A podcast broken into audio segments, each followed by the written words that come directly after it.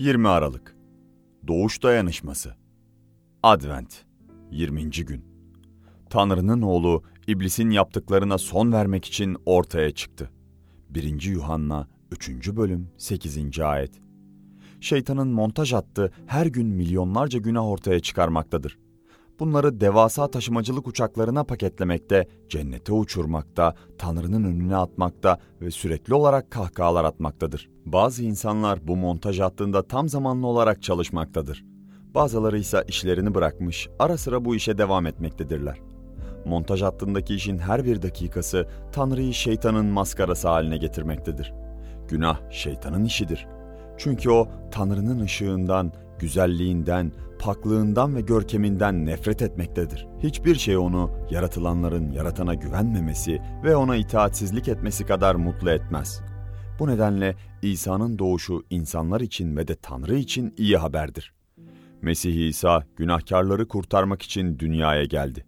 Sözü güvenilir ve her bakımdan kabule layık bir sözdür. 1. Timoteos 1. bölüm 15. ayet. Bu bizim için iyi haberdir.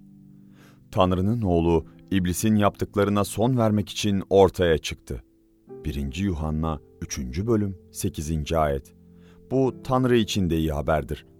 Doğuş Tanrı için iyi haberdir çünkü İsa şeytanın tesisinde bir grev düzenlemek üzere gelmiştir. Tesise koşar adım ilerlemiş, imanlılar dayanışması için çağrıda bulunmuş ve muazzam ölçekte bir iş bırakma silsilesi başlatmıştır.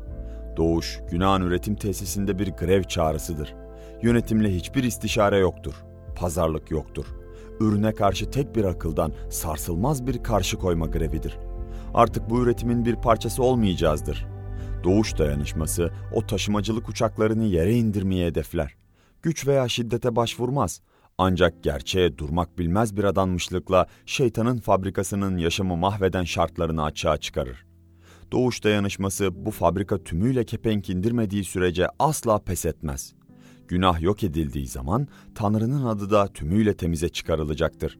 Artık hiç kimse gülüyor olmayacaktır.